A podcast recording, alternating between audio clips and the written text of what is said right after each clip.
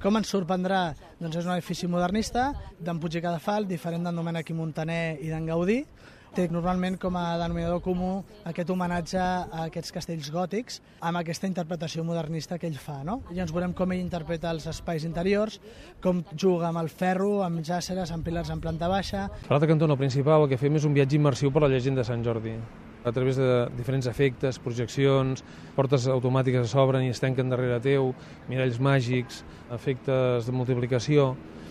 Revivim eh, la llegenda de Sant Jordi.